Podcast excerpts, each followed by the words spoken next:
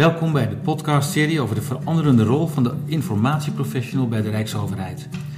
Deze serie is een initiatief van het Leerhuis Informatiehuishouding, dé plek voor informatieprofessionals die zich bezighouden met het inrichten en uitvoeren van het informatiebeheer. Een plek om zichzelf blijvend te ontwikkelen.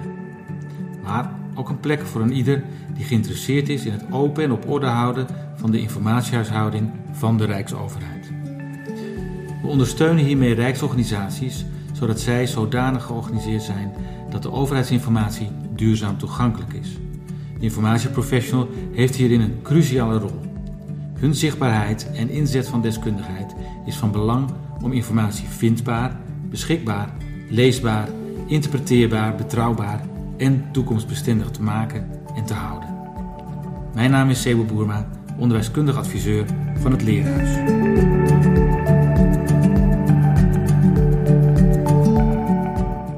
Oké, leuk om hier te zijn bij het ministerie van Financiën. stoel kraakt. Bij het ministerie van Financiën. We zitten hier in een, eh, in een, in een mooi klein glazen hokje. Uh, het uitzicht een beetje op het groen kan ik zo nog net wat, uh, wat mooi de binnentuin zien van het, uh, van het ministerie. bij mij aan tafel zitten Annette Molenaar en Rien. Oh, nou ben ik je achternaam vergeten. Rien Kraak. Rien Kraak, dankjewel Rien. Uh, Rien, zou jij je als eerste willen voorstellen? Nou, mijn naam is dus uh, Rien Kraak. ik ben uh, 33 jaar en sinds uh, vorig jaar november in dienst bij het ministerie van Financiën. Mijn officiële functie is eh, adviseur digitale informatiehuishouding. En met name hou ik mij bezig met het ophalen van de chatberichten bij de sleutelfunctionaris. Dat is een Kijk. project waar heel veel tijd momenteel in zit, omdat er druk vanuit alle kanten op dit project staat. Ik zou zeggen, een bijzonder ja. actueel onderwerp. Exact, ja. ja. Oké, okay, leuk dat je aan dit, deze podcast mee wilt doen. Naast jou zit een ambassadeur van het Leerhuis, uh, Annette Molenaar. Dat ben ik, Annette Molenaar. Ik werk sinds 2019 bij het ministerie van Financiën als senior adviseur digitale informatiehuishouding. Uh, en op dit moment is even mijn grootste taak om de nieuwe versie van DigiDoc uit te rollen. Daarnaast adviseer ik natuurlijk binnen het pand over informatiehuishouding en hoe dat op orde te houden. Ja, jij gaat met mij samen het uh, interview afnemen van Rien. Um, leuk dat je dat wil doen, maar neem ook zelf rustig uh, de hand als je denkt ik wil hier iets aan toevoegen wat, wat Rien aan het vertellen is. Rien, um, ja, wij spraken elkaar net al eventjes in het voorgesprek en je bent nog niet zo heel lang hier aan het werk. Um, kun je even kort toelichten hoe jij tot informatiehuishouding bent gekomen eigenlijk? Wat, wat jouw weg is geweest om uiteindelijk hier terecht te komen? Ja, dat wil ik wel doen. Ik heb een um, aantal bachelors geprobeerd en uiteindelijk één bachelor afgerond, religiewetenschappen. En dat is een soort geschiedenis en er is gewoon als je klaar bent niet heel veel werk in te vinden. En mm. uiteindelijk bij een traineeship beland die zich op informatiemanagement uh, focuste. Het is niet iets waar per se mijn interesse lag, maar ik wilde ook gewoon aan het werk op een gegeven moment. Want er moest een uh, studieschuld ook worden afbetaald en mm. ik wilde gewoon geld gaan verdienen. Dus met de traineeship informatiemanagement uh, ben ik gedetacheerd geweest bij een uitvoeringsdienst van de provincie Utrecht. Maar na een aantal jaar was ik daar wel uitgeleerd. Het is een hele kleine organisatie. En dacht ik, ik wil met wat ik nu geleerd heb eigenlijk wel uh, naar een, een, stuk grotere organisatie. En zo ben ik um, gaan solliciteren bij het ministerie van Financiën. Kijk eens. En daar in uh, november dus mee begonnen afgelopen jaar. En wat spreekt je aan in die, in die functie, in de, in de, in de informatiehuishouding als wereld? Dat vind ik heel lastig te zeggen, want ik vind het ook ontzettend moeilijk te grijpen. En zeker toen ik hier kwam solliciteren, dacht ik eigenlijk van waar zeg ik eigenlijk ja tegen? Of wat ga ik eigenlijk allemaal precies doen? En, en nu blijkt dat te zijn dat je enerzijds mensen gaat, gaat opleiden in het hoe zorg je dat jouw informatie goed wordt opgeslagen. Anderzijds doe je een stukje adviseren en dat vind ik heel erg leuk moet ik zeggen. En anderzijds ben je bezig met een aantal projecten tot uitvoer te brengen. En ik denk die diversiteit in werkzaamheden, dat spreekt me heel erg aan. En okay. dat is wel een beetje toeval geweest dat dat zo is zoals het is voor mij. Want dat wist ik eigenlijk niet zo heel goed van tevoren. Nee. Heb je dan nog voor, uh, speciaal voor het ministerie van Financiën gekozen of was dat ook toeval? Uh, dat is niet per se toeval, want ik vond het hele idee van financiën en de schatkist PV Nederland, dat vond ik iets, uh, als iets als iets spannends klinken. En het is natuurlijk een van de grootste ministeries. Ja. Heeft ook een beetje aanzien. Dat vond ik ook wel interessant aan. Ja. En uh, ja, dat eigenlijk. Oké. Okay.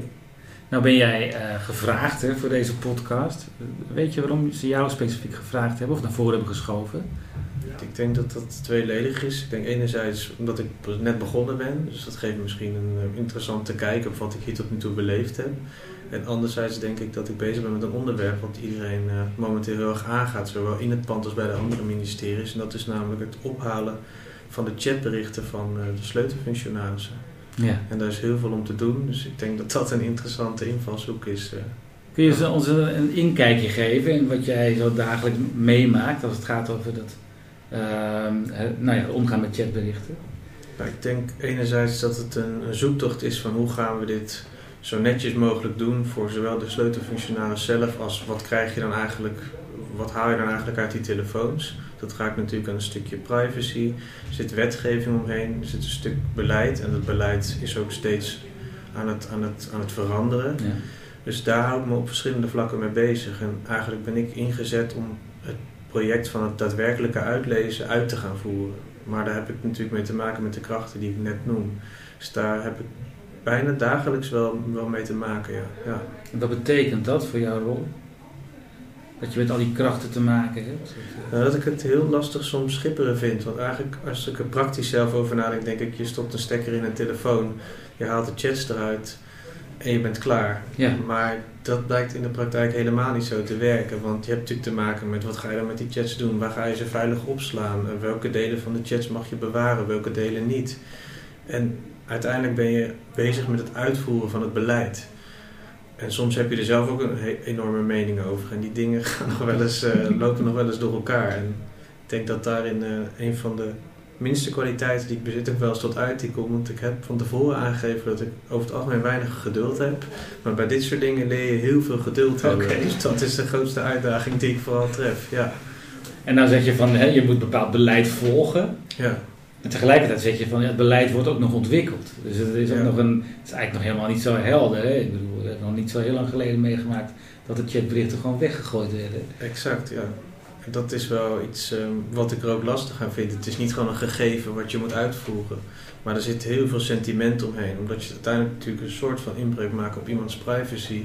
En ik denk dat daarom dat die gevoeligheid, dat daarom ook heel veel discussie is over hoe ga je dit zo, zo netjes, zo chic mogelijk eigenlijk zien te doen. En anderzijds is het belang ook dat je wil dat de overheid transparant is. Dus dit is wel een onderdeel waar je aan moet voldoen in dat opzicht. Ja. ja. En als je ehm, we, hebben, deze podcast staat in het teken van de veranderende rol. En we hadden het er net al even over. Ja, je, je bent nog maar net begonnen eigenlijk.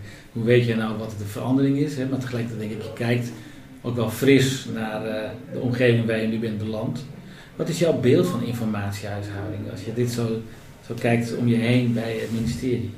Ik denk dat het heel erg groeiende is. Ik, ik dacht eigenlijk, ik kom binnen en er is van alles geregeld. En je stapt in en je doet mee.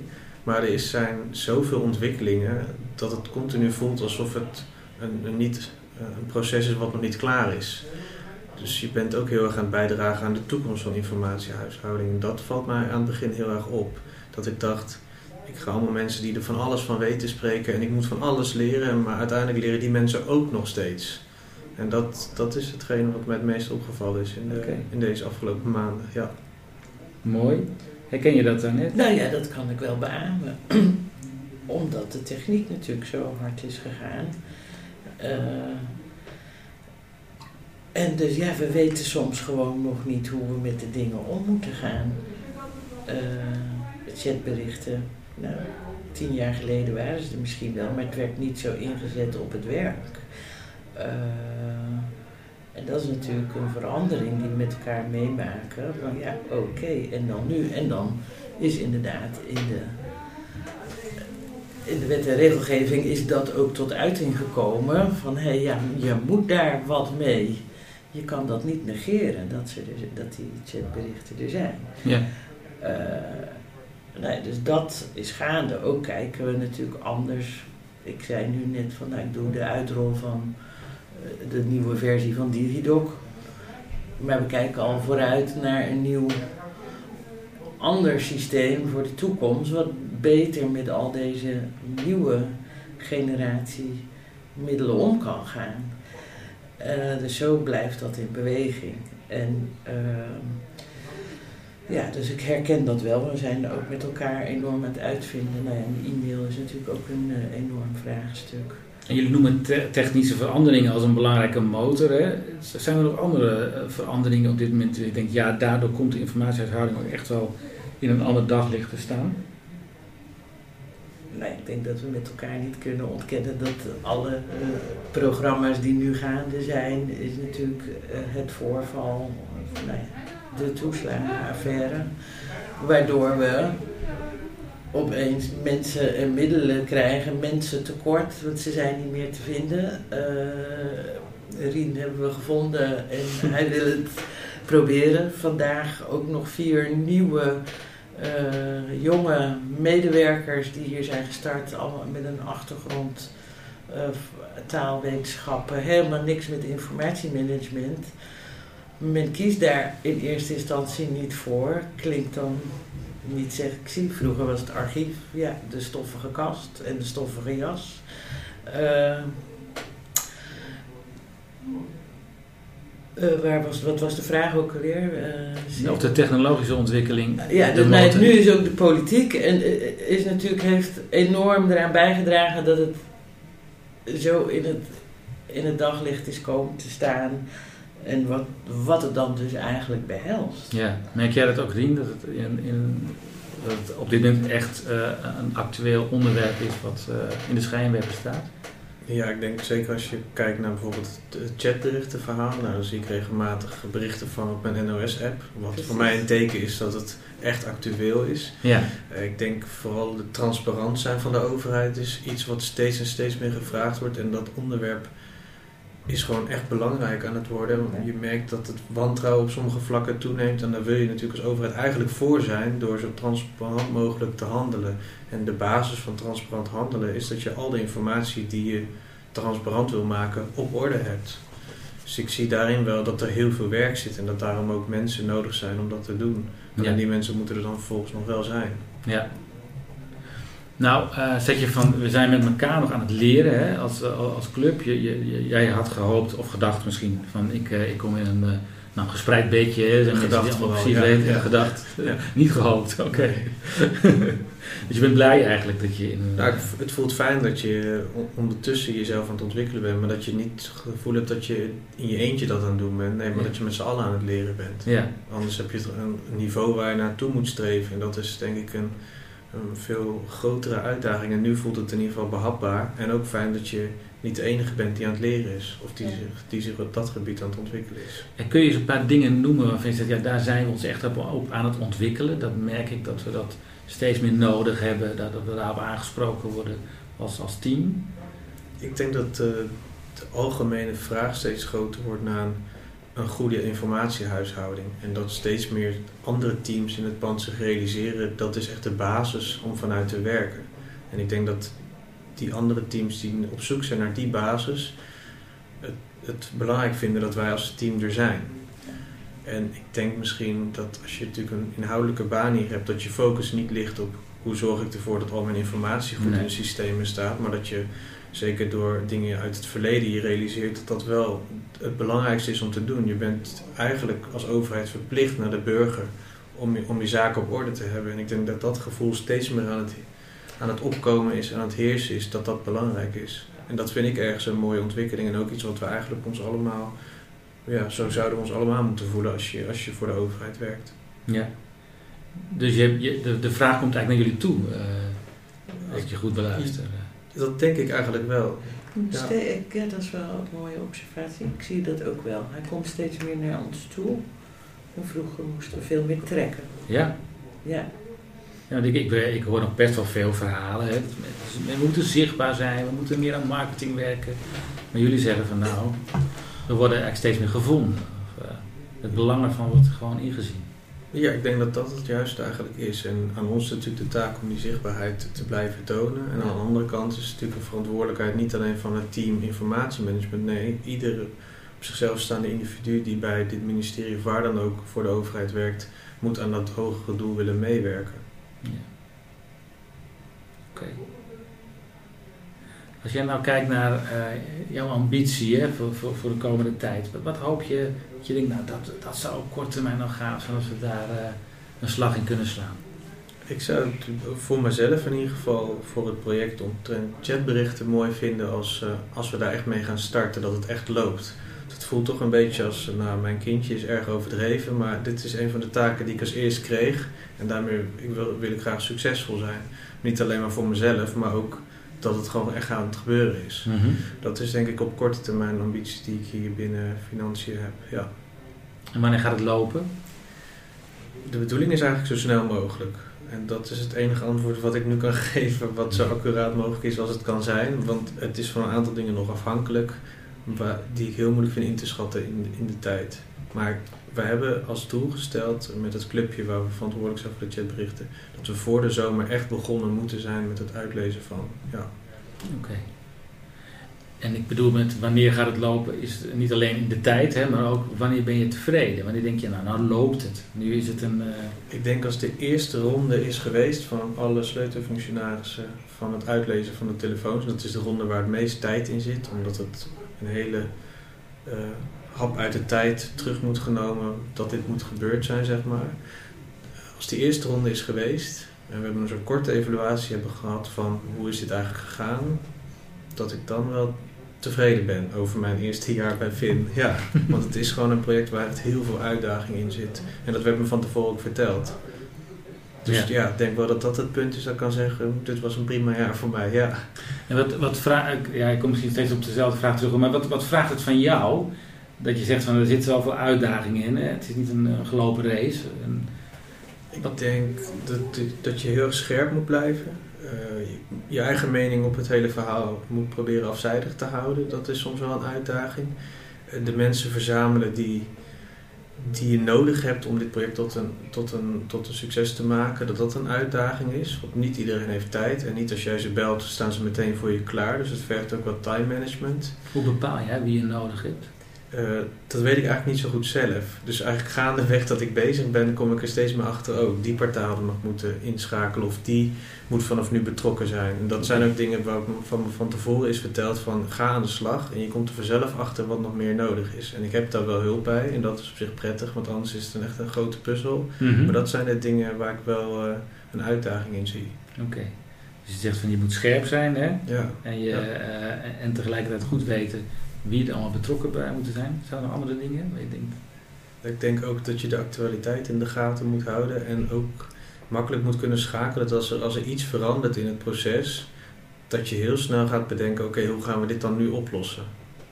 Okay. En dat vind ik wel een hele leuke uitdaging, moet ik zeggen. En je, je weet wanneer die debatten eraan zitten te komen, wanneer er weer een advies wordt geschreven. Dus dan zit je eigenlijk met, met de mensen die erbij betrokken zijn een beetje te wachten van wat gaat er nou weer gebeuren. Ja. Heb je een voorbeeld waarvan je denkt, hé, hey, daar zaten we op een bepaalde kant uh, te werken en in één keer vroeg het ons toch om wat flexibel om te gaan en een andere afslag te nemen? Nee, daar heb ik eigenlijk niet zo'n concreet voorbeeld van, nee. nee. nee. Niks aan te doen hoor. ik snap ook dat het een lastige vraag is. Dus, maar het klinkt wel als een heel dynamisch proces eigenlijk. Uh. Ja, veel dynamischer dan ik had. Als je me van tevoren op dag 1 had verteld hoe dit zou ja. gaan, is het veel dynamischer dan ik dacht. Wat is, wat is de politieke dimensie in dit? Uh, doet hij mee hier in dit verhaal? Ik denk uh, dat binnen de politiek hier heel veel over gesproken is. En het is natuurlijk, uh, denk ik, begonnen bij de, bij de sms'jes van onze minister-president. En dat is natuurlijk zijn, zijn leven gaan leiden. En daar zijn heel veel meningen over geweest. Van, is hij nou niet open of transparant geweest, of juist wel? En wat zou hij ervan kunnen leren? En ik denk dat dat component het politieke element is van dit, dit verhaal. Ja, ja. dat vind ik dan wel een aardig. Jij noemde een aantal keren het woord transparant, hè? De ja. transparante overheid. Heb jij daar een, voor jezelf een beeld bij, dat jij een transparante overheid vindt? Dat heb ik wel enigszins. Ik denk dat, dat het handelen van de overheid open moet zijn. Dat je altijd moet kunnen verklaren wat je gedaan hebt en waarom. Dat je ook als je iets hebt gedaan kan terugredeneren welke stappen erin zijn gezet en met welke beweegredenen. Mhm. En ik vind dat je dat openbaar zou moeten kunnen maken, ja. Okay. En of dan het uitlezen van telefoons en dat soort dingen daar onderdeel van is, dan denk ik dan moet dat gebeuren. Alhoewel ik echt wel snap dat dat wel een hele grote stap is die je maakt. Ja. En daarom, daarom denk ik dat de gevoeligheid van dit onderwerp zo groot is. Ja. Als je Rien nou zo hoort praten, net. Uh... Denk ik, wat een wijze man, denk ik dan. ja, die heb je al ja, die heb je vandaag alweer. Zo. ja. ja, dat vind ik ook. Dat ja, ja. ben ik met je eens. Maar ik, ik wilde daar iets anders vragen, maar je mag hem rustig op dat complimenten geven. Um, maar mijn, mijn vraag is eigenlijk van, je, je hoort hem zo schetsen wat zij zo dagdagelijks moet doen. Hè? Is dat nou anders dan een aantal jaar geleden als je kijkt naar informatiehuishouding? Goh, uh... Mijn andere vraag is eigenlijk, wat is er aan het veranderen in de rol? Is er wat aan het veranderen? Ja, er is wel wat aan het veranderen, maar ik vind het zo moeilijk. Het gaat zo hard dat ik het zo lastig vind om terug te kijken. Want ik ben ook geen informatiespecialist puur sang. Nee. Ik ben er zelf ook maar ingerold. Uh, en dat maakt het dus voor mij lastig, want ik heb altijd in een soort, als ik gewoon voor mezelf spreek, in een soort hectische omgeving gezeten. Ja, die, die verandering zit hem volgens mij gewoon echt in die bewustwording die er is, waardoor uh, men teams als informatiehuishouding weet en wil vinden ook nu. Uh, en dan op het vakgebied zie ik gewoon ook de rollen of de hoeveelheid rollen die gewoon geprofessionaliseerd gaan worden, invulling aan wordt gegeven meer dan vroeger. Maar ze, het is ook nodig omdat het steeds groter en groter wordt door, ja, nou ja, we hebben het nog niet eens gehad over data, maar daar moeten we natuurlijk ook nog iets mee. Allemaal onderdeel van. En, uh, ja, dus daar, uh, en dan raak je straks ook misschien weer daar aan, aan middelen. Nu hebben we het over chatberichten van sleutelfunctionarissen, maar ja, wel, welk device hebben ze straks weer? Dat weten we niet. Uh, en zo blijf je bezig. Uh, je doet even zo snel data, hè? Als een, ja, daar, precies. zo zie je maar weer, het vloekt zo snel mijn mond uit en ik heb het niet eens door. Bij wijze ja, het, zo snel gaat het soms. Maar ja, wat wilde jij daarover vragen, zeker? Nou, je zei van daar heb ik nog helemaal niet over gehad, nee. over data. Uh, kun, kun, je daar niet dat ik een specialist daarin ben, maar dat brengt ook de vraagstukken mee. Uh, er is enorm veel data die je kunt interpreteren, maar dat moet je goed doen. En ook daar speelt natuurlijk waar slaan we het veilig op, hoe slaan we het veilig op. Maar dan hebben we het niet ook dat, ja, in de, dat zijn niet de documentjes, zou ik maar zeggen, waar men normaliter aan denkt. Ja. Een e-mail ziet men al eerder als een document en een chatbericht ook nog, zou ik maar zeggen. Maar ja, data, het kan van alles zijn en het is pas informatie als je het natuurlijk in een bepaalde context zet of in de vraag. En, uh, dus dat is nog een hele grote uitdaging ook die we daar uh, met elkaar hebben te maken. Dus daar zie je denk ik ook komen nieuwe rollen bij. Zoals? Oh jee, uh, help me Rien, hoe heten onze data-collega's? Uh, data... data scientists, data engineers. Ja, precies. En er is er nog eentje, maar die heb ik even niet scherp. maar die zijn ook heel erg bezig met het, wat gaan we eigenlijk binnen dit pand met data doen? Ja. En wat kun je als je dan data hebt uitgelezen, ga je erop anticiperen op de toekomst? Of ga je het puur gebruiken als constatering? Precies. Dat zijn wel vraagstukken waar, waar veel over gaat. Volgens mij wordt er ook gewerkt aan een, aan een hele datastrategie. Ja, ja, ja. ja. Oké. Okay. Um, Rien, er zitten hier informatiespecialisten naar te luisteren. Uh, jij, bent, uh, jij bent net nieuw, maar met al je ervaring nu met dit actuele thema. Wat zou een tip zijn uh, die je aan je collega's zou willen geven? Dat is echt een hele Heb je een advies die je stelt. Um,